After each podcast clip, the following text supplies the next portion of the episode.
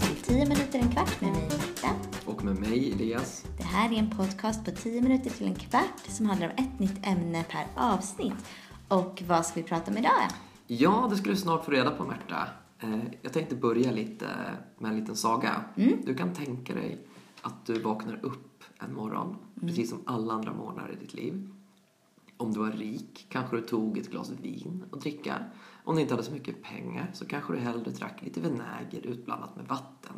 Du kanske satt och mös lite med din familj i din lilla sommaridyll till stad. När plötsligt en vulkan får ett jätteutbrott och börjar spy ut lava och giftig rök. Och inom några timmar då kommer alla vara döda. Låter det trevligt tycker du? Nej, det lät trevligt i början där med idyllen men sen så för, förvandlades det. Ja, och så var det precis. Det var ganska trevligt i början. Men sen förvandlades det vi ska prata om idag till ett riktigt helvete, skulle man kunna säga. Och idag ska vi prata om staden Pompeji som år 79 efter Kristus begravdes av ett ruskigt vulkanutbrott.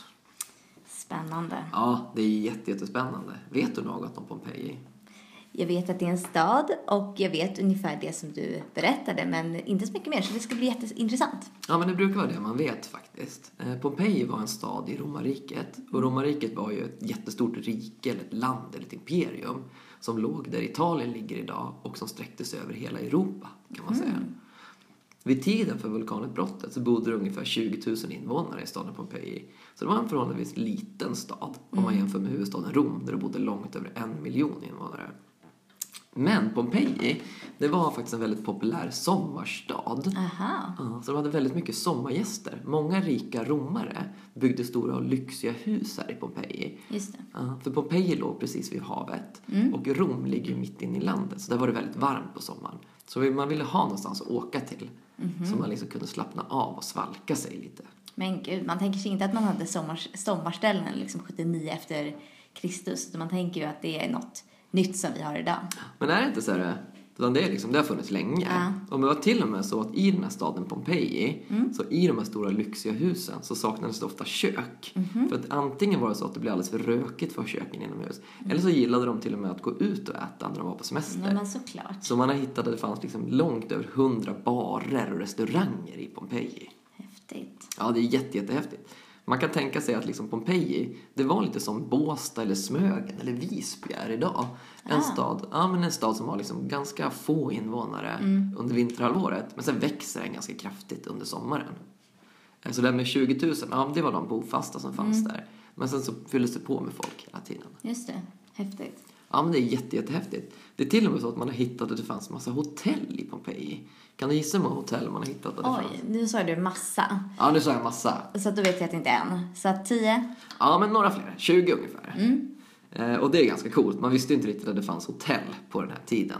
Nej, det, det känns ju... Det enda liksom referenspunkten man har till hotell för längst, det är ju typ värdshus som man kände till från ja, men, Bröderna Lejonhjärta, men det är inte alls den här tiden och dessutom en saga så att jag har inte alls några, någon bild av hur ett hotell på romarrikstiden skulle kunna se Nej, ut. det är väldigt svårt att föreställa sig. Mm. Men det var nog mer åt värdshushållet. Jag tror du ska tänka mer Bröderna Lejonhjärta än Scandic. Ah, okej. Då- Det, det tror jag faktiskt.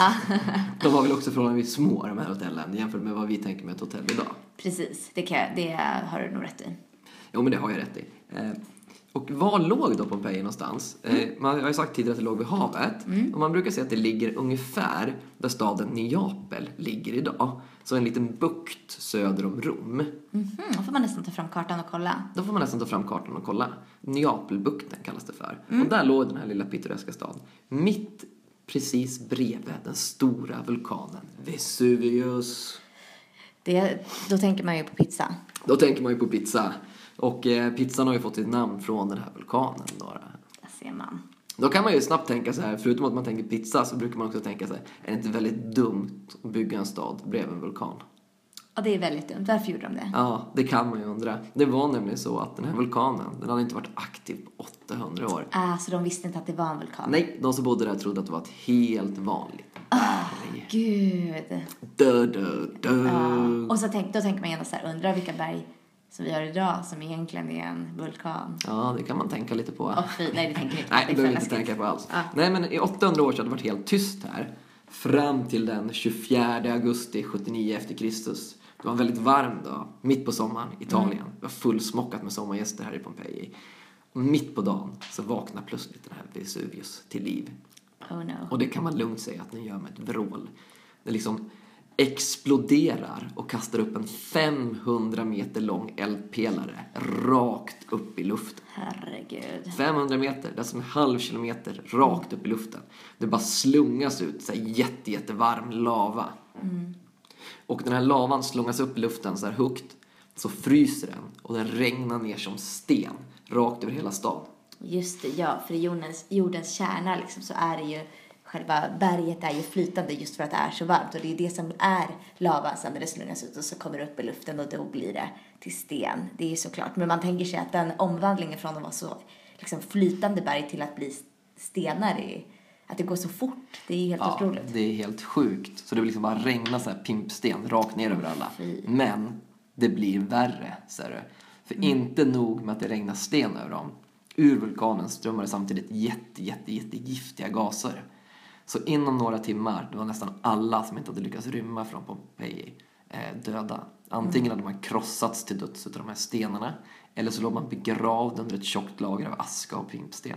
Eller så hade man kvävts till döds av de här jätte, jättefarliga gaserna som strömmade ut. Ja, eller visst var det också så att det kom i det här så kunde det komma väldigt stark varm rö, eh, luft som vindpustar som var så här 270 grader varma så man kunde också brännas ihjäl, inte bara av eld utan också av den här luften som blev så himla himla varm. Absolut, så kan det absolut ha varit också. Så det fanns väldigt många sätt att dö på här då, i stackars Pompeji. Ja. In, inte så önskvärt scenario. Inte så önskvärt scenario. Det höll på i 28 timmar här också. Mm. Och man beräknat att ungefär 2000 personer som dog. Fy fan. Ja, det är verkligen hemskt.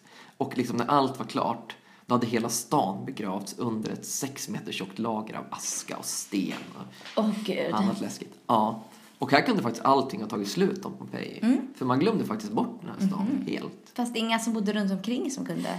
Jo, man har haft lite så här nedtecknade saker, men även det försvann. Så man var liksom helt... Ja, såklart. Det blev väl också begravt av den här så- alltså småhus och sånt som är runt omkring städer kanske också drabbades av. Ja, och sen när romarriket kollapsade så, då glömde man bort de här gamla skrifterna. Så det var fram, först fram på liksom 1700-talet som man började hitta saker igen.